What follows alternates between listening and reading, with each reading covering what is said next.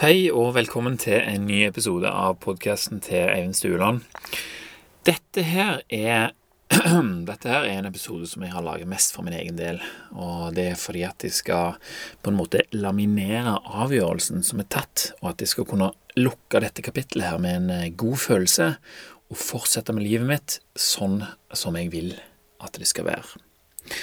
Men hva er det, hva er det som har skjedd for noe? Eh, jeg liker å se på det som et veldig prosjekt, kjekt prosjekt, et prosjekt som var gøy. Ehm, det var så gøy at det blenda meg helt og holdt på å rive bort hele det momentet som jeg har brukt flere år på å bygge. Altså det holdt på å ta vekk det som jeg har holdt på å lagt i nå i flere år. Og det var sånn huh, Det var nære på, altså. Men nå er jeg fri. Og jeg eh, tenker at jeg forteller om det her, siden jeg ikke har noen psykolog å gå til.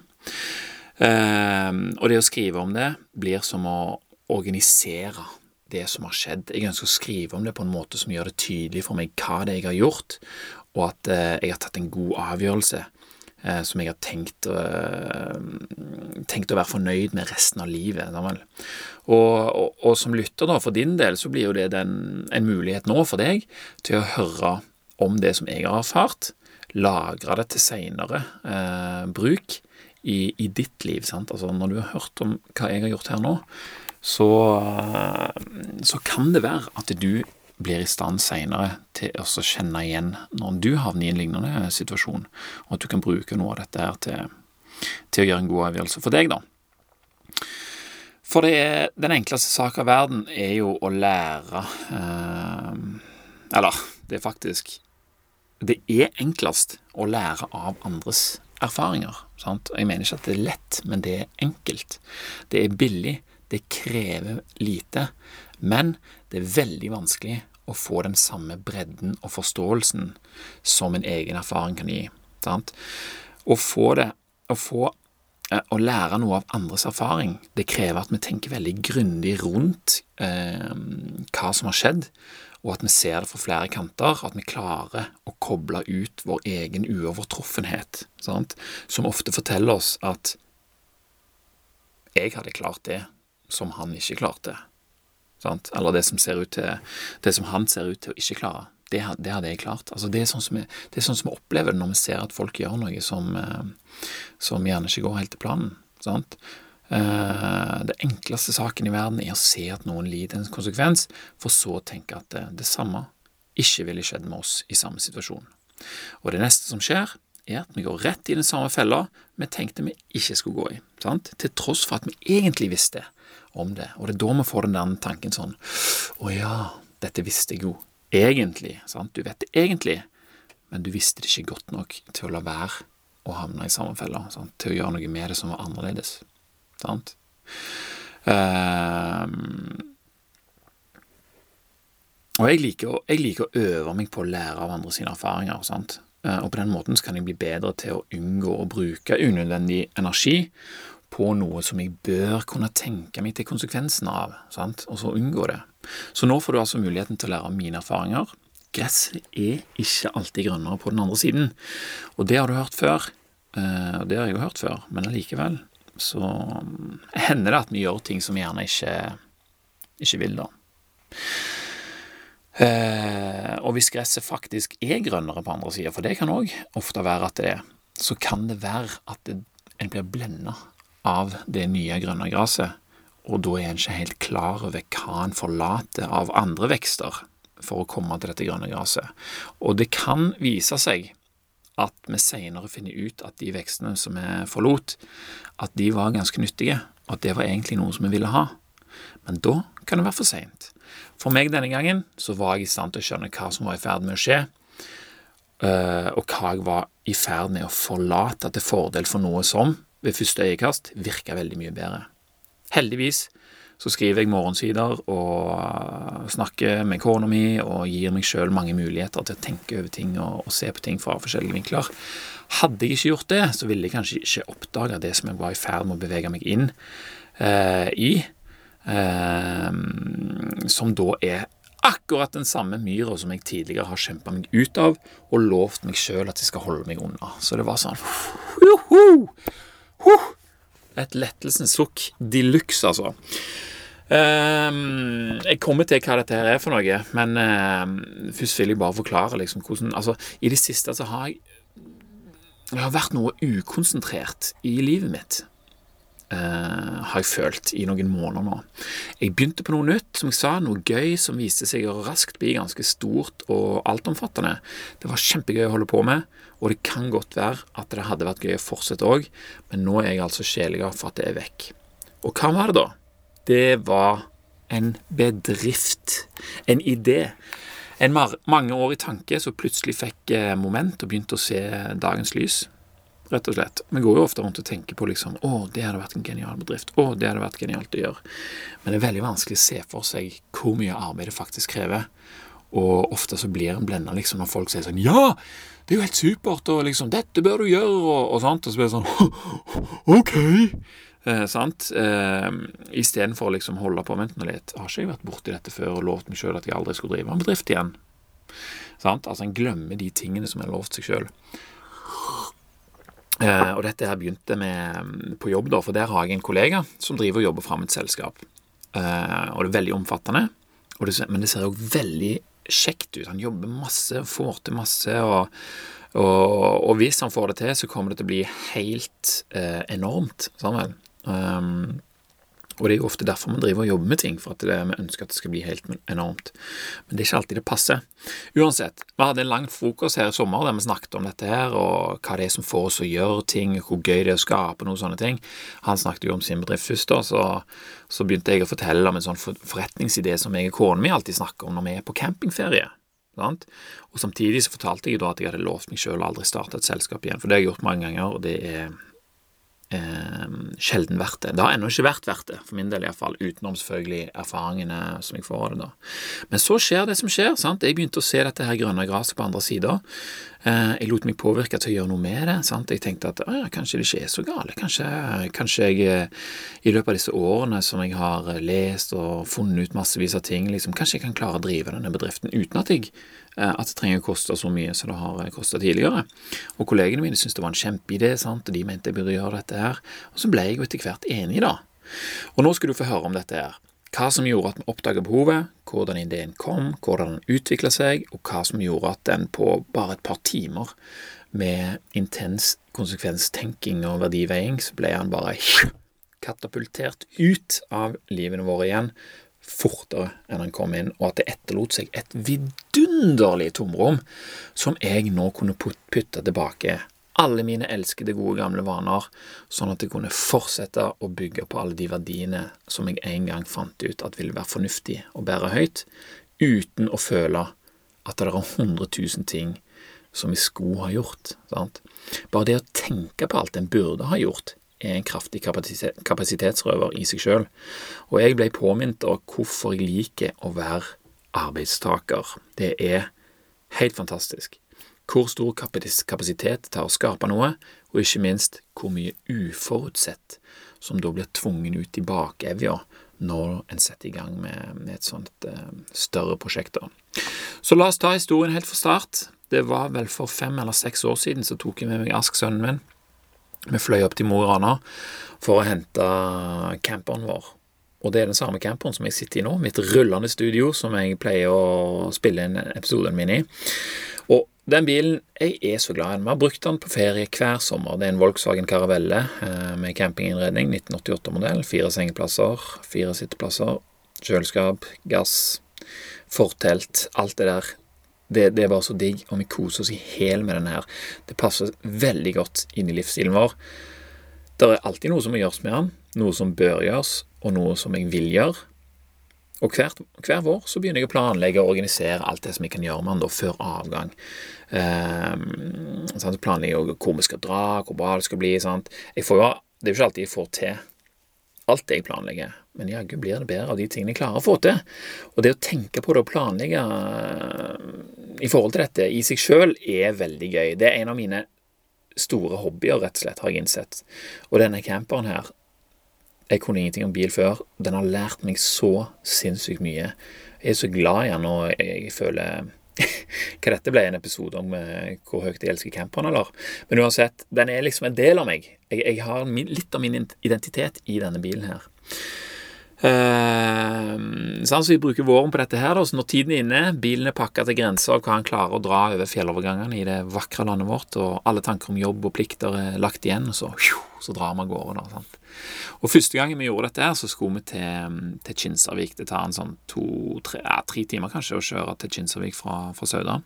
Og Der er det en bitte liten fornøyelsespark som heter Mikkelparken. Ungene elsker det. Eh, I alle fall da. Dette er jo noen år siden, da.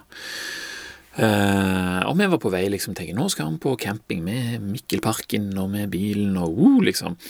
Uh, null erfaring fra campinglivet generelt. Uh, og på veien bort Utenom å sove i telt i fjellet og sånn, da, selvfølgelig. Men på veien bort så sjekker vi liksom ok, Kinsarvik camping, så, så så vi kartet, for de har jo sånn oversiktskart over campingen, sant, og så er det liksom 1, 2, 3, 4, 5, 6, så er det liksom sånn 80 plasser der, liksom, der, der det er liksom strekt opp at her kan det stå en bil, her kan det stå en bil, her kan det stå en bil, så må det være tre meters avstand, bla, bla, bla. Så et sånt et kart som viser hvor du kan eh, lage mat, hvor dusjene er, hvor doen er, og resepsjonen og sånne ting. Så vi dro opp det, og så så vi noen veldig fine plasser som jeg kunne tenkt oss å stå på når vi kom fram. Uh, det som betydde noe for oss, det var jo da at det var jo nydelig utsikt. Hvis du har vært i Kinsarvik, så vet du hvor fin utsikt det kan være der hvis du kommer på rette plassen. Og så ville vi ha det forholdsvis rolig, eh, siden vi hadde små unger. da, liksom Jeg tenkte det kan være greit å være et stykke under toalettet og andre fasiliteter, lekeplassen og sånn. De kan springe bort på lekeplassen, vi trenger ikke ha den helt oppi oss, liksom. Uh, men vi fant ikke noen løsning for booking på nettsida. Vi syntes det var litt rart, liksom, men vi tenkte ikke så mye over det. Så vi ringte til campingen og spurte om den spesifikke plassen. Du, den 46, er den ledig, liksom, og, og kan dere holde den av til vi kommer? Nei, de visste De kunne ikke holde den av. Vi måtte bare se om han var ledig når vi kom fram. Og vi var sånn Hæ? Er det Ja, men liksom, vi så jo ikke Problemet kan jo ikke bare liksom ikke leie den ut til noen. Vi syntes det var veldig rart. Uh, men vi tenkte ikke så mye over det heller, egentlig. Vi kom fram, og da var jo ikke den plassen ledig. Det var kjedelig. Vi måtte parkere en kjedeligere plass, som var faktisk nærme, nærme lekeplassen da. Men vi holdt hele tiden utkikk med de som hadde de gode plassene. Sant? Og når vi så at noen av de pakka seg av gårde, og neste dag puff, så var vi raske på labben. Vrum, kjørte rett bok bort og overtok plassen de, Så det var sånn Yes! sånn og det er, jo, det er, jo, veldig gøy, det, altså. Men vi syns det var rart at det var sånn. Det er 2,5 million camping- og bobilovernattinger per måned i sommermånedene nå i, i 2020. Nå har det steget ganske mye i år, da. Men det, det er generelt sett mange campingovernattinger, liksom. Er det sånn alle gjør det? At de må komme der og se hva som er ledig? Ja, viser det seg. Det eksisterer noen campingplasser med bookingtjeneste, eh, men de er veldig få. Eh, og, det er ikke sånn at du kan booke akkurat den plassen nummer 46, den som jeg ville ha. Du kan liksom si at 'jeg kommer', og så holder de av én plass til deg. Ikke den plassen, men én av de som de har. Sant? At du er garantert å få en plass å stå, da, men ikke altså hvor henne. Uh, og det fant vi ut etter hvert, da, som fikk prøve flere campingplasser og sånn. Så ble vi bare vant med tanken. Men eh, vi tenkte jo at det hadde vært digg med, med, en løsning på dette. her. Så vi, vi, hadde jo små unger, sant? og vi har alltid brydd oss om at de skal få sove godt, sånn at de skal få en fin neste dag. Sant? Vi skulle i Mikkelparken, vi vil jo ikke at de skal være trøtte og, og gretne da. Men det er jo ikke alle som bryr seg like mye som oss om, og det forstår vi. Og det er opp til de. Vi har ikke noe behov for å endre de. Men vi ønsker jo allikevel å forsøke å, begrense eksponeringen for konsekvensene av at disse andre har våkne unger seint, f.eks. Og konsekvensen er jo ofte bråk. Og vi er stort sett interessert i å være et sted der det er rolig, ikke helt i nærheten av sånne hoppeputer og lignende som de har på campingplasser. Hoppeputer og lignende som de har på campingplasser, de er ofte okkupert av disse her overtrøtte ungene, som gjerne òg har sukkerkick. Og de lager mer enn høy nok lyd til at våre unger får det med seg, og da innser de at eh, de er jo ikke overtrøtte, og at de ikke har sukkerkick, og at de ikke hopper på hoppeputer, noe de gjerne kunne tenkt seg når de da har oppdaga at det er det andre gjør. Og Det var en annen grunn til at vi ville ha muligheten til å booke en plass som passer oss på campingplassen. Da, kunne vi unngå dette her, eller, eller i det minste ha noenlunde kontroll på hvordan det skulle påvirke oss. Vi innså at det ikke alltid er så lett å finne gode plasser. Vi er prisgitt det som er ledig når vi kommer, og vi er òg prisgitt de andre gjestene som er der òg Noen ganger er det ok, andre ganger så suger det. Sant? Og dermed så er det ikke alltid så kult å, å bo på en campingplass. Eh, og et alternativ for å slippe disse andre folka, og det de gjør da, det er jo å finne et fint sted langs veien å campe. Da blir det jo ikke noen hoppeputer for ungene, det blir heller ikke noen dusj- og oppvaskmuligheter, sånn som det er på en campingplass. Det er jo praktisk, det, altså. Eh, og nyttig, og, og vi har jo behov for det av og til.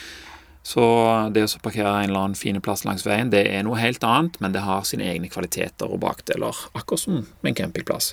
Og det er en veldig fin tanke, det å bare kjøre bil og så oppdage et fint sted der vi kan campe, liksom. Har du noen gang tenkt den tanken?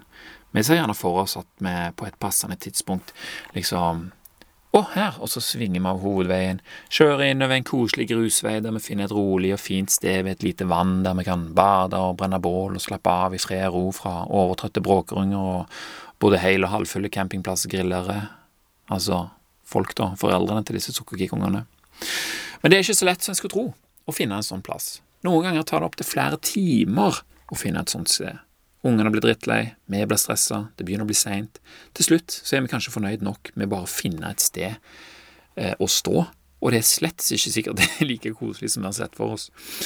Eh, og det er heller ikke sikkert at vi har lov å stå der i det hele tatt. Kommer det en grunneier og jager oss nå, eller? tenker vi mens vi liksom rigger til. Og en kan jo alltids parkere langs veien, men det er ikke særlig koselig det heller, med 40 vogntog som suser forbi hvert kvarter, og at alle som kjører forbi, glor på oss. Summa summarum så gir det en litt sånn Ikke den perfekte campingfølelsen som jeg gjerne skulle hatt. Sammen. Og, og etter hvert som vi fikk liksom flere og flere sånne men, vi begynte jo å bli veldig gode da, til å finne gode plasser på campingplasser. og liksom, vi, vi, begynte jo å bli gode, men vi tenkte at liksom, trenger det å være sånt? Kan vi ikke ordne dette her på, på en måte, liksom, at, eh, at, vi, at, vi, slipper å ha den der usikkerheten hele tida når vi skal ut og campe? Kan vi ikke bare liksom det er så vanskelig å planlegge på forhånd, både hvor du skal sove og hvordan du skal ha det når du først kommer på en plass du skal sove. Så, en gang så var jeg på besøk hos ei venninne. Det er hun Elin, som er forloveren til kona mi. da. Hun, de har en fantastisk flott gård oppe i Vikedal, som er en times tid fra Sauda. Og nett forbi jordet deres, der et ganske passelig stykke unna gårdshuset Låve, så er det et stort og fint vann, Fjellgardsvatnet der, med ei lita strand, akkurat sånn som jeg ser for meg at det er et fint sted å campe på. Men sant, selvfølgelig er det ikke lov å stå der for hvem som helst. Det er privat grunn, og det er ofte sånn det er på sånne fine steder. Enten er de private, eller så er de offentlige. Begge med campingforbudsskilt, som regel. Men det hadde vært fint å kunne gjøre det. Og Så gikk jeg der nede og kikket, og så så jeg en sånn skøyteledning og noe greier som lå der. Så sa jeg til hun Elin, venninna mi, liksom, hva, hva er dette for noe? Og så sa hun å nei, det er en onkel som jeg har det, så han kommer her av og til med bobilen sin og parkerer her nede ved vannet, vet du, og fisker og brenner bål og nyter utsikten. Og jeg bare Dæven, der har vi det jo! Hva om det hadde fantes en Airbnb-løsning for camping? Der campere fikk tilgang på sånne plasser som det her. Hva om venninna mi da kunne ta noen fine bilder av denne plassen som onkelen hennes brukte, og, og, og gjøre den tilgjengelig for utleie når han ikke var der? Sant? Og på den samme profilen så kunne du jo legge inn informasjon da, som at det var strøm til stede der, det er en kano det går an å bruke, det er masse fisk i vannet, det er en kalender der som viser når plassen er ledig, kanskje var det plass til to bobiler, sant? Er det passelig for noen som reiser på tur til sammen? Eh, tur til sammen Noen som reiser på tur sammen, sant? Kanskje vi hadde en eller annen familie, venner, som ville dra på tur med oss, og liksom 'Å, her er det plass til to', så kunne vi liksom booke den og komme der, da. Hva om hvilken som helst bonde, eller hvilken som helst annen person med et egnet sted for camping kunne gjøre det. Jeg tror det er flere enn meg som kunne tenke seg å campe sånn eh, på private steder eh, framfor campingplasser hver eneste gang. Og jeg kan òg tenke meg at det er grunneiere og andre folk som òg kunne tenke seg å være med på dette her. Og hva om campingplasser òg kunne registrere en profil på dette nettstedet her, der de kunne streke opp alle de parsellene som vi så på det oversiktskartet, på campingplassen, og så kunne du gjøre hver og en av de tilgjengelig for booking. sant? Og du kunne til og med ha forskjellig pris på de med fin utsikt og de som var nærme hoppeputa. sant? Altså, Jeg hadde gledelig betalt en hundrings ekstra for å stå med fin utsikt, og jeg hadde òg gledelig booka noen uker i forveien hvis de garanterte meg å få den plassen. sant? De som ville stå nærme do og betale mindre, de kan gjøre det. De som vil ha utsikt, de kan booke det. Alt de trenger å gjøre for å gjøre reisen sin mer forutsigbar og bedre tilpassa de sjøl, er å være tidlig nok ute. Ville ikke det vært mye lettere å planlegge campingreisen sin om dette var mulig? Se for deg at du reiser på storbyweekend, og at det første du gjør når du kommer fram til Barcelona, er å liksom ta taxi inn til byen, og så går du inn på et hotell for å høre om det er ledig der. Og hvis det er ledig, så kan du få et rom, men du kan ikke velge hvilket. Og hvis det er fullt, eller eh, det ikke er et rom du liker der, så går du ut av det hotellet, og så fortsetter du til neste hotell og spør om det er ledig der. Sånn er det ikke. Vi booker i forkant, og vi planlegger turen vår. Det er ferien vår, og vi er ikke alltid like interessert i at den skal være overlatt til tilfeldighetene. Sant? Spesielt ikke om det er unger involvert.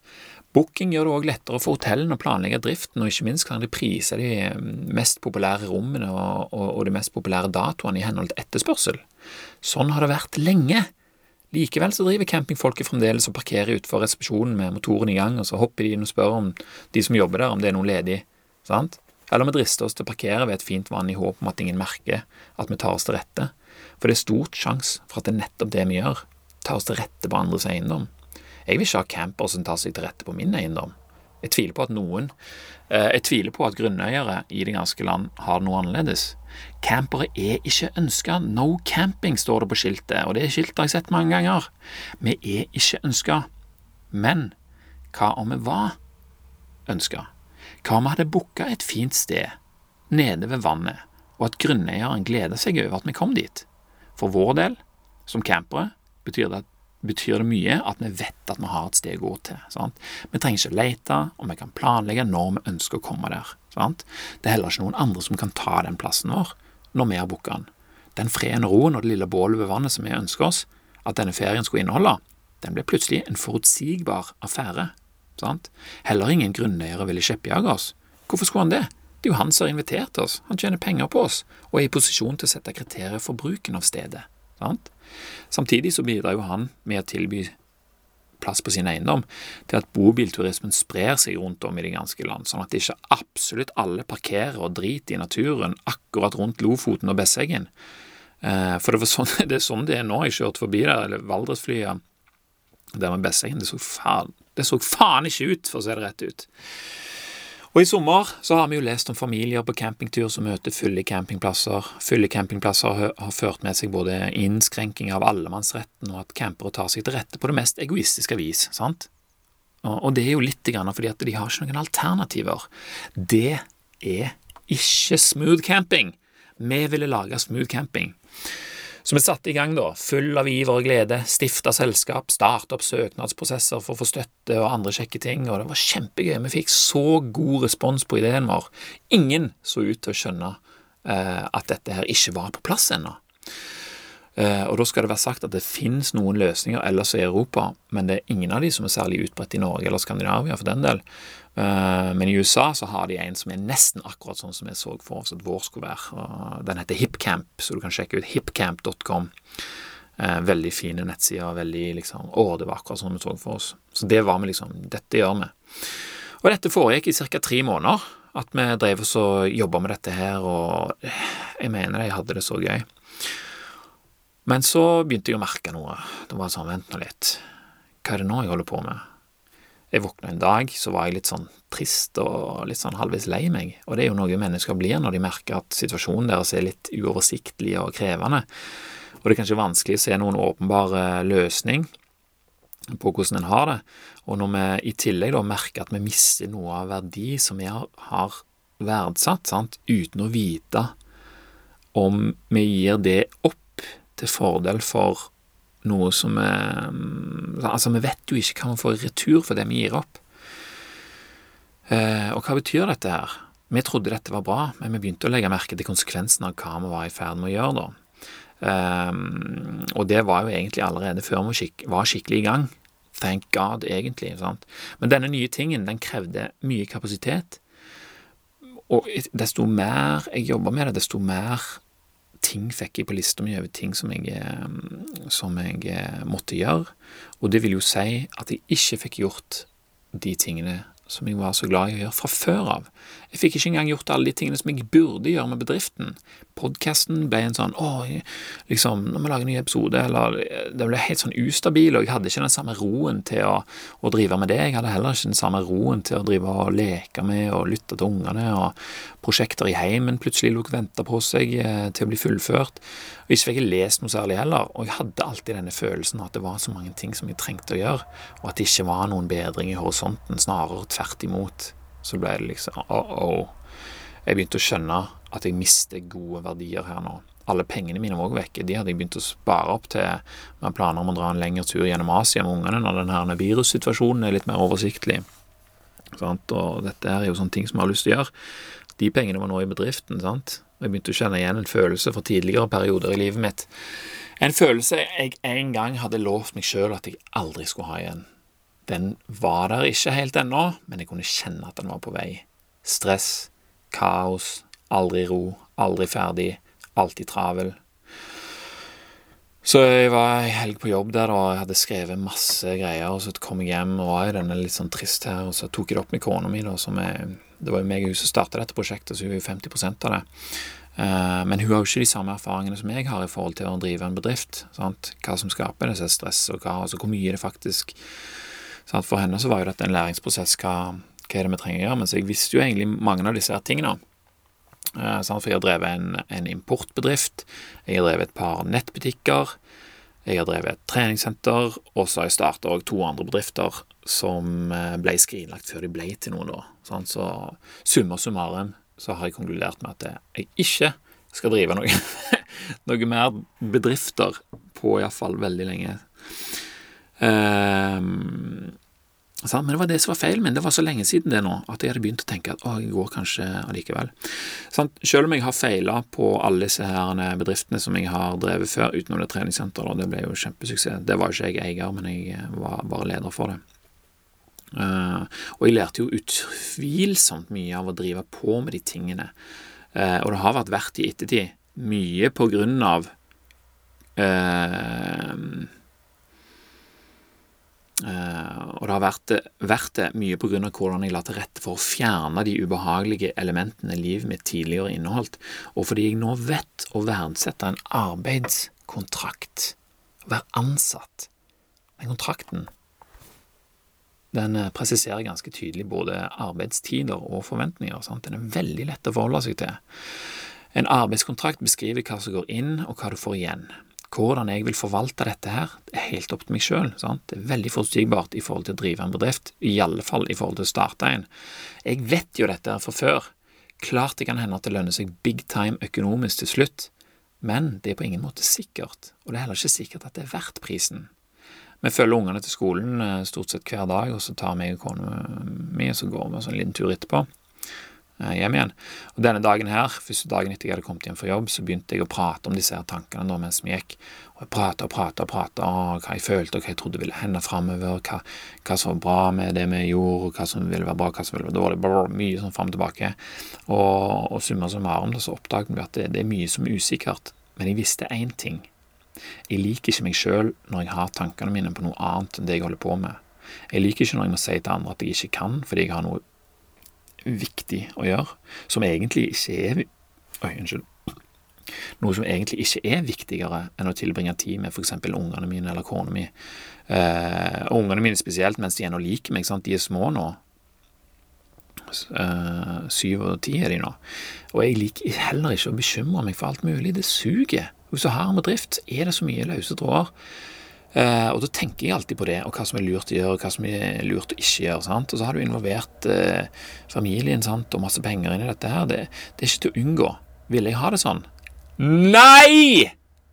Det var det jeg innså. Jeg innså at jeg hadde brukt flere år på å legge til rette for at jeg ikke skulle ha det sånn. Legge til rette for at jeg skulle kunne være nysgjerrig og til stede samtidig som jeg gjorde det beste ut av både tiden jeg var på jobb, og det beste ut av pengene jeg fikk for å være der. Hvordan kunne jeg glemme disse tingene her? Og hva det gjorde med meg? Sant? Hvorfor er det sånn?